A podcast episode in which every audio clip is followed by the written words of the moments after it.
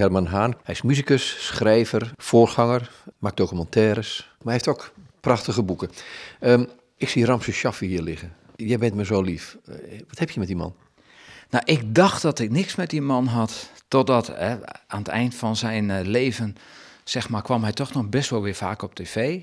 Hij is zelfs bij Andries Knevel geweest. Heeft er nog een prachtig lied uh, gezongen, Laat Me. Heel mooie uitvoering. En hij overleed en kwam natuurlijk in het nieuws. En toen uh, kreeg ik dit boekje over zijn leven. Ramses je bent mij zo lief. En, en direct al bij het uh, voorwoord van uh, Lisbeth List werd ik zo gegrepen en, en herkende daar ook eigenlijk weer zoveel in dat ik dacht, ja, hij werd wel een beetje de Bob Dylan, de Jacques Brel van Nederland genoemd, de dwarsligger. Een vreselijk creatieve man, een vreselijke chaot. Uh, helemaal niet aardig voor de meeste mensen, maar heel uh, inspirerend ook weer voor mensen die zelf al een beetje van muziek en van de kunst van het leven houden. Dus vandaar uh, Ramses Shaffi. En, en dit, dit boekje is eigenlijk nog uit, uit zijn leven. Je, je zegt, er greep me een voorwoord hè, van Lisbeth List. Ja. Uh, iets greep je daarin. Wat, wat greep je precies? Kun je het voorlezen? Ja, ja ik, ik ga voorlezen. Uh, ze moeten dan iets samenstellen. Aan het eind van zijn leven komt er dan een soort oeuvre-overzicht van hem. En dan zegt Lisbeth List, uh, aan zelfanalyse doet hij niet. En ook iets organiseren is nooit iets voor Ramses geweest. Hij plant nooit dingen. En als je hem vraagt om een selectie te maken uit zijn eigen werk, zal hij je verbaasd aankijken. Ramses heeft ook nooit iets verzameld. Het liefst zit hij achter de piano en dan komt daar opeens de meest prachtige muziek uit. En dit vond ik zo'n geweldig stukje. Want blijkbaar hebben we hier met een kunstenaar te maken, een artiest, een zanger, uh, bijna een cabaretesk iemand, die het niet te doen is om zeg maar de roem en het resultaat, maar die teruggaat naar wat voor hem de essentie is. En dat is muziek maken. Uh, wat veel mensen beschouwen als de kern van het leven. Uh, Bob Dylan zei ooit een keer toen hij werd gevraagd: Wie ben je eigenlijk? En wat is jouw muziek? En toen zei hij iets heel simpels, iets heel waars. Hij zei: Ik ben een man met een gitaar, meer niet. En mijn muziek is blijkbaar genezing voor mensen. Nou, en in die simpelheid zit een enorme waarheid. En dat ontdek ik dus hier ook. Jij bent muzikus. Ik ben muzikus, dus ik herken daar ook veel in. Het is ook direct een spiegel. Waar is het mij om te doen? Gaat het om het applaus of gaat het om de muziek zelf? En ik vind dat wel een confrontatie die ik met mezelf ook heel graag aan wil gaan. Is het nou alleen het ene voorwoord wat je zo pakt, of is er meer in hem? Oh, er is zoveel meer. Hij, hij gaat dan op een, een uh, gegeven ogenblik. En, en dat vind ik dan ook weer zo herkenbaar. Uh, als kind schreef, zegt hij dan zelf, als kind schreef ik al onzingedichten. En ik denk te weten waarom. Onzin heeft een soort koorts in zich. De koorts die extase ook heeft. En ik vind dat zo mooi, want je kan ergens een liedje over schrijven en niemand, jezelf ook niet, heeft flauw benul waar het over gaat. Maar je brengt het je, uh, naar je luisteraar en aan het eind krijg je klaterend applaus.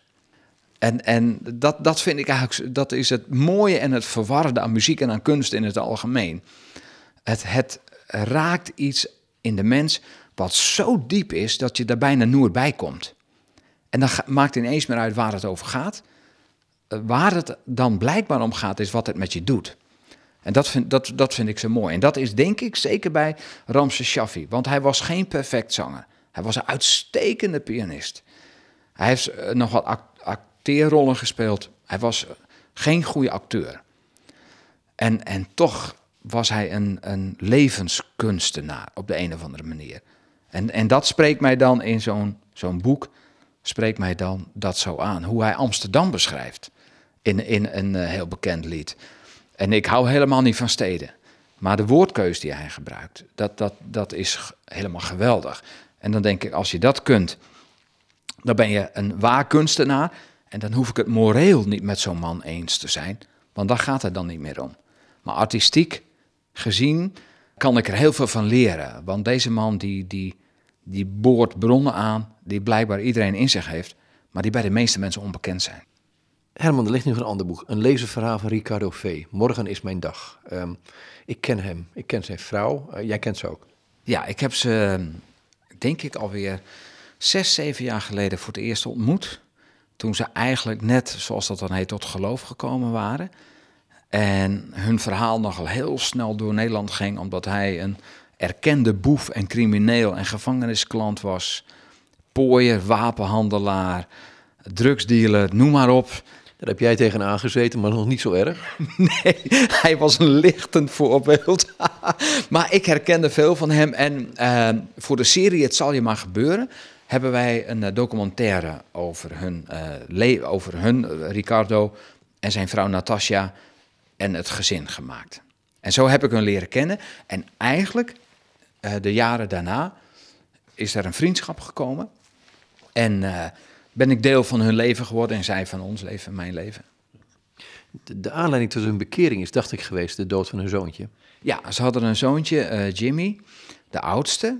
En uh, ze vertellen in die documentaire, maar ook in het boek wat ze uh, vorig jaar op de markt gekomen is, Morgen is mijn dag, vertellen ze het aangrijpende verhaal van hun leven en van de dood van hun zoon Jimmy en wat dat voor de rest van hun toekomst en hun gezin betekend heeft. Kun je een stukje lezen eruit? Ja. Want morgen is mijn dag. Waarom die titel? Uh, omdat, uh, en dat geeft mij ook alweer de, de uh, rillingen. Jimmy, die, dat is een uitspraak. Mam, God bestaat echt en morgen is mijn dag. En niemand had toen in de gaten dat dat zijn sterfdag zou zijn. Dat jongetje was, was bijna een profeet, zeg maar, op zijn 12-jarige leeftijd. Leed aan een hersentumor die eh, bijna elke 24 uur zich verdubbelde. Dus dat was zo'n nare ontdekking en zo'n ellendige verrassing en zo uh, onbehandelbaar meer. Maar dat jongetje ook in een werkstuk die hij geschreven had op school, vlak voor zijn sterven, ging over hersentumoren. Dat jongetje had op elk moment, als het ware, had hij zijn sterven voorzien. Vandaar morgen is mijn dag. En vlak voordat het zijn dag is, thuis ging het met Jimmy nog steeds niet beter. De hoofdpijn bleef aanhouden en werd de dagen die volgden zelfs heviger. Het was niet de kerstvakantie die we ons hadden voorgesteld. De kerstdagen bracht Jimmy grotendeels in bed door. Als hij wel beneden kwam, lag hij vaak met zijn hoofd op tafel en wilde hij niet met zijn broers en zijn zusjes spelen. Na de kerstdagen kreeg hij meer last. Hij vertelde dat hij slechter ging zien. Voor zijn rechteroog werd alles glazig. Bovendien had hij al een paar keer ochtends overgegeven. Dan huilde hij en greep hij naar zijn hoofd. Natasja, de moeder, werd steeds ongeruster, dus we besloten opnieuw naar de huisarts te gaan. En dit is eigenlijk de inleiding naar een paar dagen, weken die volgen en die eindigen met zijn sterven. En ik kan het niet helpen, maar uh, ik zie dan direct het interview wat ik met Natasja, de moeder, had voor mij. En zij vertelde, ik heb ook geen enkele vraag gesteld in het interview. Ze heeft misschien wel een uur lang huilend verteld deze periode. En ik heb zelden zo'n puur interview meegemaakt. Heel vaak hè, horen we wel eens, hè, de EO brengt alleen maar jankende mensen op tv. Maar dit was zo echt. Hier kon je niet zeggen, droog je tranen, Natasja. Want hier was een moeder die leed om het verlies van haar zoontje. En toch in zijn overlijden God gevonden heeft. Nou, tegenstrijdige kan het gewoon niet. En dit is niet het beste boek van de wereld. Lang niet. Het zal waarschijnlijk geen prijs winnen. Het wordt wel heel goed verkocht. Maar voor mij is dit een topboek, omdat het van A tot Z een echt boek is. Daaronder een ander boek. Er ligt hier The Lost Art of Forgiving van uh, Christopher Arnold. Um, dat is een plaatje voorop uit de Vietnamoorlog. Goed, onze jeugd, om het zo te zeggen. Ja, dit boek, eh, wat best al uh, een uh, oud boek is, in de zin, hè, tegenwoordig, het is een jaar of veertien geleden op de markt gekomen. En dit boek werd voor mij weer actueel, omdat ik vorig jaar in Amerika was. En toen kwam er net een onderzoek op de markt door een universiteit, een grote universiteit in Amerika, dat hoe rechtser de Amerikanen werden, en dan vaak dus ook hoe christelijker ze werden, hoe minder de woorden genade en vergeving in hun vocabulaire terugkwamen. En ik vond dat heel opvallend. En dan vind ik zo'n boekje als dit, De verloren kunst van vergeving, The Lost Art of Forgiving, vind ik als het ware een wapen in de strijd tegen de hardheid. En heel vaak pak ik dit boek. En wat tegenwoordig is het niet in om oude boeken te lezen. Er komt zoveel op de markt. Maar, maar dit boek is voor mij een soort Bijbel in zichzelf, als je begrijpt wat ik bedoel. Het heeft een soort eeuwigheidswaarde. En vandaar dat, dat The Lost Art of Forgiving, en het gaat dan uh, inderdaad staat voor op dat meisje wat bij een napalmbom in Vietnam uh, haar rug helemaal verbrand is en naakt, rent ze in de richting van de soldaten die eigenlijk haar vijanden zijn. En later is dit meisje uh, als vrouw is ze christen geworden, ze woont in Canada en heeft de piloot die die bom gooide vergeven. En dat gaat zo diep, dat gaat zo ver. Vergeving is, is de nieuwe wet voor de toekomst. Genade is de nieuwe wet voor de toekomst. Wat is genade en wat is vergeving? Je mag het ook binnen de context van het boek houden. Ik, ik wil graag een voorbeeld gebruiken, en een actueel voorbeeld. Het eh, CDA heeft uh, rentmeesterschap en menselijkheid bovenin zijn verkiezingsprogramma staan. En een jongen als Mauro moet vanwege vorm, want daar gaat het uiteindelijk om, moest hij het land uit. Nou, er zijn allerlei noodkreten bedacht. En op zo'n moment denk ik, uh, jongens, lees nou eens een boek als dit. Denk nou eens wat, wat ruimer. En voor mij, genade en vergeving betekent dat je andere mensen de ruimte geeft om te kunnen leven wat ze ook gedaan hebben. Er zijn hele erge dingen in het leven van de mensen. Ik zeg niet dat iedereen direct moet vergeven en iedereen direct genade moet betonen. Daarvoor zijn sommige dingen te erg. Ik weet dat uit eigen ervaring, naar familieleden toe. Je kan de meest erge dingen meemaken. Maar op een dag moet je het toch de rug toekeren, anders kun je zelf niet verder. En dat is vergeving en dat is genade die in mijn optiek ook hand in hand gaan. Het begint met genade, maar ergens in het proces zal vergeving ook een rol moeten gaan spelen. En ik weet dat veel mensen dit niet willen horen, maar het is wel belangrijk. Wat doet vergeving met jou en wat doet het met de ander? Laat ik het zo zeggen, in mijn geval begonnen met mijzelf. Ik moest mijzelf vergeven voor de dingen die ik in mijn levensstijl had gedaan. Anders kon ik niet in staat zijn om anderen te vergeven. Die mij weer dingen hadden aangedaan, die daar allemaal bij hoorden. Maar ik moest eerst in de spiegel kijken. En, en vergeving is iets hè, wat, wat de Heer Jezus de mensen geleerd heeft. En zeker toen hij aan het kruis hing en ze onder aan zijn voeten aan het uh, dobbelen waren om zijn jas. En dat hij zei, vader vergeef het hun, want ze weten niet wat ze doen. Met de dood in de ogen gaf hij toch vergeving. En voor mij, als we dan roepen als uh, christenen, hè, en wij werken bij de EO, dat de Bijbel waar is, dan hoort dat stukje daar ook bij. Het stukje uit het boek wat je gekozen hebt. Ja, dat gaat over uh, vergeving in het leven van elke dag. En dat, dat gaat, nou, misschien moet ik het maar gewoon voorlezen. Ik keek neer in het gezicht van mijn vader, die net was overleden. Het was de laatste keer dat ik hem zag. Mijn moeder zei zonder tranen en zei zonder dat ze een glimlach had, maar met heel veel emotie in haar stem. Goedenacht, Willy Lee. Ik zal je terugzien op die prachtige morgen.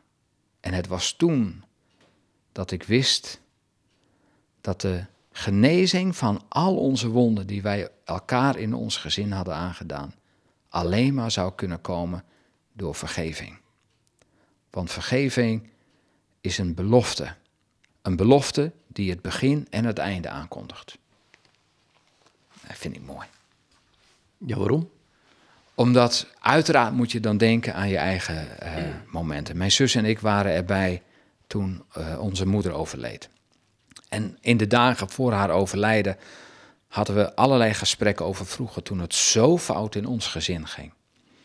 En we hebben daar elkaar vergeving geschonken. We hebben gebeden met elkaar. En op het moment dat ze overleed, hoe gek het ook was, weet je dan dat het goed is. Zoals een oude vrouw, 89. Allereerst wat je voelt is, je bent een klein jongetje die zijn moeder mist. En het tweede wat ik voelde, wat mooi dat we deze dagen hebben gehad want die gaven ons een nieuw begin. We hadden vergeving geschonken, maar ze luiden ook een eind in. eind goed, al goed. Er ligt hier nog een boek, uh, Philip Yancey, What's So Amazing About Grace. Uh, je bent nogal Engels georiënteerd, hè? Ja, dat is meer ook omdat ik vrij veel in het buitenland uh, werk en vooral werkte. En dan, dan als ik even wat tijd over heb, loop, loop ik gewoon boekwinkels binnen. En dan kom ik boeken tegen, die, die neem ik dan mee. En Philip Yancey, men noemt hem een erkend bijbelleraar, een denker, een filosoof. En die heeft ook nog eens weer het woordje genade, eh, in die studie die ik hoorde van uh, die universiteit, dat uh, bij, bij fanatieke christenen juist het woordje genade verdwijnt uit hun woordenschat, dat heeft mij zo aan het schrikken gebracht. Ik ben daar echt een beetje kapot van geweest. Dat ik dacht, hoe is dat mogelijk? Ja, en wat ga je dan doen? Dan ga je bevestiging zoeken in, in je, in je eigen gedachten. En dit boek, wat ik ook alweer uh, een paar jaar in mijn bezit heb, ja, is dan daar gewoon een belangrijk boek in. En dan die titel. Hè, in, in het Nederlands komt het uh, Amazing Grace. Wat is zo verbazingwekkend als het om genade gaat. Ik vind die titel alleen al mooi. En ik ben zelf schrijver. Dus ik kan voor één zin kan ik een heel boek aanschaffen. Ja, maar goed, jij zegt wat zo amazing, wat zo verbazend over genade. Leggen we dat nou eens uit. En, en, en waarom gaat het zo verkeerd in Amerika? Nou, omdat blijkbaar het recht van de sterkste, en niet alleen in Amerika, hier in Nederland ook. Het recht van de sterkste gaat boven het collectief. Dat is toch Darwin? Maakt het uit? Het maakt wel wat uit. Want als ik in mijn Bijbel lees, dan, dan moeten wij juist opkomen voor de zwakkeren. En dan moet ik juist als sterkere mij buigen, als ik al sterk zou zijn, maar bij wijze van, mij buigen over de zwakkere die hulp nodig heeft. In het mooie boek Prediker staat, struikelen is niet zo erg, maar blijven liggen. Dat is veel erger. En wee degene die je niet oppakt als je bent gevallen. Nou, en voor mij zijn dat kernwaarheden. Als ik iemand op de grond zie liggen, dan moet ik hem toch oppakken. Dan moet ik niet daar langs lopen en zeggen: Goh, je eigen schuld, kijk nou, ha, ha, ha, ha. En dan met een gevoel van recht, zelfrechtvaardiging doorlopen. Ik vind, dat, ik vind dat verschrikkelijk. En zo hoort het niet. En dat maakt deze wereld, maakt Amerika, maar zo langzamerhand, Nederland maakt het ook kapot. En ooit waren mensen die in God geloofden, waren mensen waren strijders, zeg maar. Waren tegen onrecht. Die deelden hun rijkdom. Dat begint in de handelingen, het boek, Bijbelboek Handelingen al. En wat doen we nu? We potten op en we beschermen ons. Nou, en zo moet het gewoon niet. Nee, we strijden tegen terrorisme. En ik weet dat moeder Teresa ooit zei dat de, de meest ergelijke en meest erge vorm van terrorisme is abortus. Nou, ik, ik kan me dat uh, heel goed voorstellen. Ik kan me ook voorstellen dat er mensen zijn die uit overtuiging abortus hebben gedaan. Dus ik wil daar geen waardeoordeel over uh, geven. Maar wat, wat ik, ik, ik ken die uitspraak van haar ook. Politiek correct is dit wat je nu zegt. Is, is het ook niet heel, heel, heel raar eigenlijk? Nee, nee want ik, ik, uh, van politiek correctheid hou ik al helemaal niet. Maar ik wil vooral geen mensen kwetsen. Dat, dat, ik wil wel mensen kwetsen, maar dan door tegen de enkels te schoppen maar niet door, door hun ziel te kneden, zeg maar. Wat, wat ik heel erg waar vind in deze uh, uitspraak van moeder Teresa, want die, die, die ken ik ook, is dat wij vechten tegen onszelf. En wij vechten tegen het leven wat we zelf verwekken, met opzet of per ongeluk. En dat zie je al om, zie je nu in deze maatschappij gebeuren. En dat maakt mij echt vreselijk boos. Dan heb ik ook weer genade nodig om die boosheid te kanaliseren, zeg maar. Je zegt in wezen weer van, we moeten, als we die armsten niet kunnen beschermen, ja, wie beschermt jou nog, hè? Nou, zo is het, want uiteindelijk zijn er weer mensen die sterker zijn dan ik. En die zich dus op een dag zomaar tegen mij kunnen keren. Want dat is het gevaarlijke in deze samenleving waarin wij nu leven. Het is onvoorspelbaar. En, en het, het, het, zijn hele zware woorden die ik nu gebruik. Maar ooit in de jaren dertig zei een, eh, een, een beroemd iemand: hè, ga maar gerust slapen, want er gebeurt niks. En ik hoor dat eigenlijk nu weer. En ik vind het heel gevaarlijk, want de wereld staat in brand. En, en de, de wereld heeft geen sterke leiders nodig, de wereld heeft genade nodig. Maar dat staat dwars tegen de mentaliteit van deze wereld, laten we eerlijk zijn. Ja, maar daarom ben ik zo blij dat, dat ik eh, achter de Heer Jezus aan mag hobbelen. Want die liet een tegengeluid horen. En die kwam op voor de zwakkeren in de samenleving. Die kwam op voor de mens die het moeilijk had. En die wees met zijn vinger naar de mensen die het zogenaamd allemaal beter wisten. Ik heb meer sympathie vaak voor uh, de demonstrant hè, van de Occupy-beweging bijvoorbeeld. Ook al hebben ze geen manifest en ook al zijn het idealisten. Maar als het spannende tijden zijn, het eerste wat wordt gedood of wat wordt verdreven zijn de idealisten en de kunstenaars. En dat is een gevaarlijk teken. Eronder ligt nog een ander boek, wat nogal controversieel is, denk ik. Maar goed, ik zeg het maar even. Onverdiende gunst, dat is ook een soort genade. Of is dit weer net niet genade? Nou, dit boek, ik heb het gekregen en de mensen die het mij gegeven hebben, hou ik heel veel van. Maar die hoorden mij eens een keer spreken over uh, dat uiteindelijk de bodem waarop alles groeit is genade. En toen dachten ze dat dit boek mij nog wel, uh, wel wat kon leren. Om, omdat dit zegt, uh, je hebt genade nodig om succes te hebben. En oh, ik vind dat zo vreselijk. Dit, dit is een contradictio in terminus. Ja, die kreet heb ik ooit een keer geleerd. Dus daar scherm ik graag mee, mee. Lijkt het ook een beetje Latijn ken. Maar dit is een tegenstrijdigheid in woorden in wezen. Dit, hier gaat het christelijke boodschap niet om. Nee, precies. Maar als er dan een boek van, uh, van ruim 300, blad, uh, 300 bladzijden over geschreven kan worden. en het verkoopt nog goed ook nog. Ja, dan bevestig ik zijn eigen, zijn eigen stelling. Ja, je hebt genade nodig om succes te hebben. Ja, ja, precies. En het zij hem gegund. Maar ik vind het vreselijk. Je hebt genade nodig om weer jezelf te kunnen worden. En daar kan succes bij horen.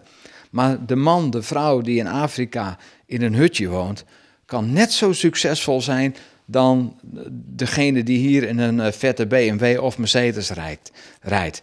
Succes valt juist niet af te meten in wat je hebt, maar valt af te meten in wie je bent. Maar heet het dan niet eerder vruchtbaarheid? Nou, dat, dat is zo, maar ik vind het, zo, ik vind het bijna grappig, hè? zo'n boek. Ik, ik kan hier smakelijk om lachen. En als ik mij eens een kwartiertje wil ergeren, dan ga ik zo'n boek als dit even lezen. Nou, laat, laat me even mee ergeren dan. Even kijken hoor. En ik moet, er, ik, ik, ik moet nu een beleidenis doen. Ik heb heel lang geloofd in dit soort dingen. Of laat ik het zo zeggen, ik heb het ook geroepen. En dat is niet goed. Ik neem geen afstand van dat, dat God kan genezen en dat hij geneest en dat God voorziet. Maar ik neem wel afstand van het feit dat het alleen maar gaat om succes. Het feit, de, ik lees nu even voor.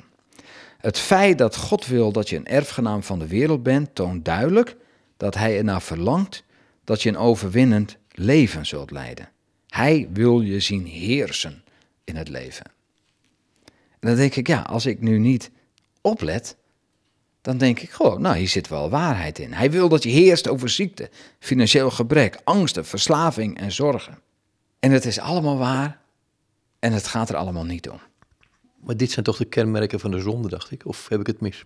Nou, ik, dat is het. Het geeft, als ik dit lees, geeft dat in mij een ongemakkelijk gevoel gewoon. En ik kan het ook niet allemaal verklaren, want ik weet het vooral niet beter. Maar ik weet wel dat het anders is. Weet je wel, ik heb, ik heb geen tegenantwoorden, want dan word ik uiteindelijk net als, als de anderen. En ik ga ook niet op de barricade staan en zeg: dit boek moet je ritueel verbranden. Dat kun je beter met andere boeken doen. Maar dit is volgens mij niet de essentie waar het in het leven om gaat. En dit werkt zolang je enthousiast bent. Maar dit werkt niet meer wanneer het leven zich even tegen je keert. En dan denk ik dat er iets fout is. Is dit dan zo'n boek waar een mens in het middelpunt staat en niet God?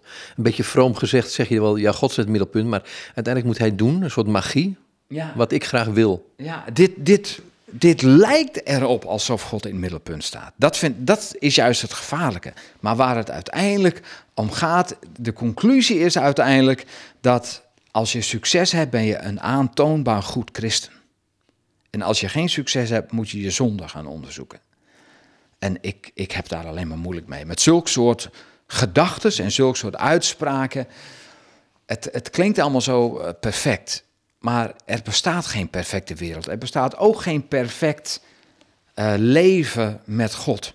Want zolang we mens zijn, zal dat uh, een worsteling blijven. Ik, ik proef nog iets anders. Dat um, het gaat meer om de geschenken en om de gever zelf. Om die liefdesband met God. En uiteindelijk denk ik, als wij sterven, kunnen we niet zoveel meenemen, toch? Nou, en dat is het ook. En weet je, als het, als het meer gaat om het geschenk dan om de gever, als de gever nou eens niet schenkt. Wat ook vaak gebeurt gewoon. Want er zijn meer gebeden die niet verhoord worden dan die wel verhoord worden. En ik heb daar geen theologische verklaring voor. Ik denk dat persoonlijk, zo is het leven. En het, het jammerlijke van zo'n boek is, het geschenk wordt het bewijs. Terwijl volgens mij altijd de gever nog het bewijs is. Even terug over het hele programma kijkend. Wat is genade voor jou? En neem die boek in ogenschouw. Ja, genade is voor mij dat ik ondanks alles mag leven met een toekomst. Heel simpel. Dat is genade voor mij. God geeft mij de ruimte om opnieuw te beginnen, om verder te kunnen, om vooruit te mogen kijken. En om ondanks allerlei beperkingen de mogelijkheden van het leven te mogen zien. Dat is voor mij genade. Dit is jouw boekenkast. Ehm, als ik naar buiten kijk, zie ik een wijngaard. Loop er dus even lekker mee, mee doorheen in, in een minuut. Wat zie je dan? Allereerst zie ik ruimte. Ik zie in de verte, zie ik de, hoe is het mogelijk, maar de heuvels van de, de postbank, het hoogste punt van Gelderland. En om me heen zie ik uh, een, een, aantal tientallen stokken uh, met uh, wijnstokken, zeg maar, of palen waar wijnstokken aan groeien, die er nu een beetje kaal uitzien. Maar wat ik zie, is dat de wijngaard zich al aan het voorbereiden is voor het nieuwe seizoen. Het stoot af en het wordt gesnoeid, zodat het weer kan groeien. Ik zie hier en daar een vogel uh, zitten en ik zie een perfecte mix, hoop ik dan, of in ieder geval een mooie mix tussen natuur, tussen handenarbeid en de zon schijnt een beetje door de mist heen. En voor mij is dat de glimlach van God. Over mezelf, over ons gesprek, over het leven en over de mogelijkheden. Hey, dankjewel. Ja, graag gedaan.